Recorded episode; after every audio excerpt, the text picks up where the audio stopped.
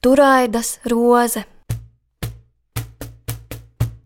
1601. gada pavasarī Zviedru karapulki ieņēma Turaidas pili.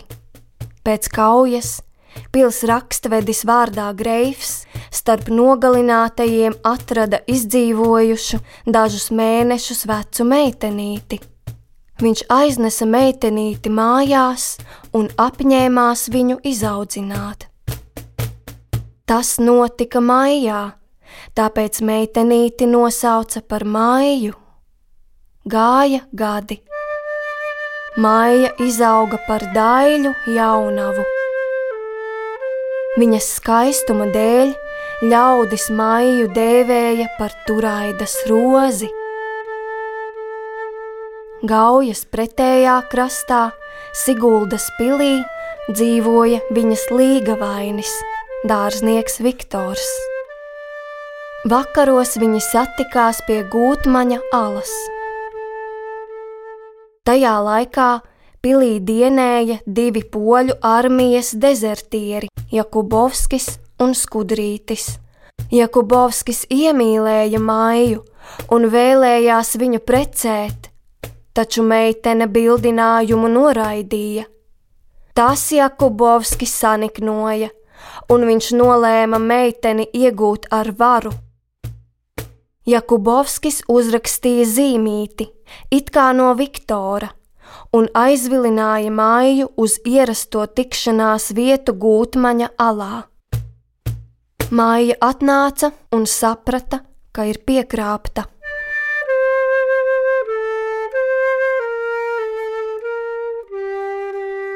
Meitenei ap kaklu bija sarkans zīda lakatiņš, un viņa teica Jakubovskim, ka šim lakatiņam piemīt burvju spēks, tā nesētājs tiek pasargāts no zobena cirtieniem, un aicināja to pārbaudīt.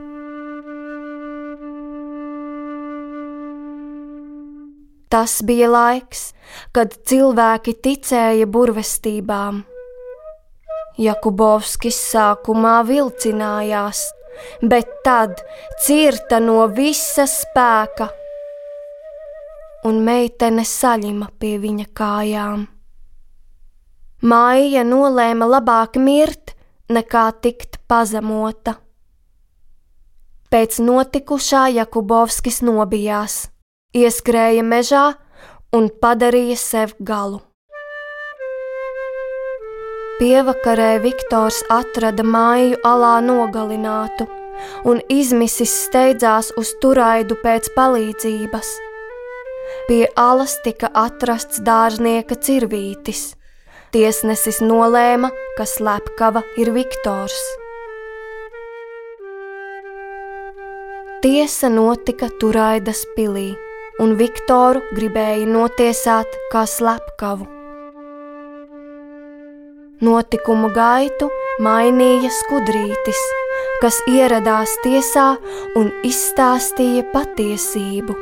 Viktors tika attaisnots, bet māju apglabāja Turaidas baznīcas kalnā.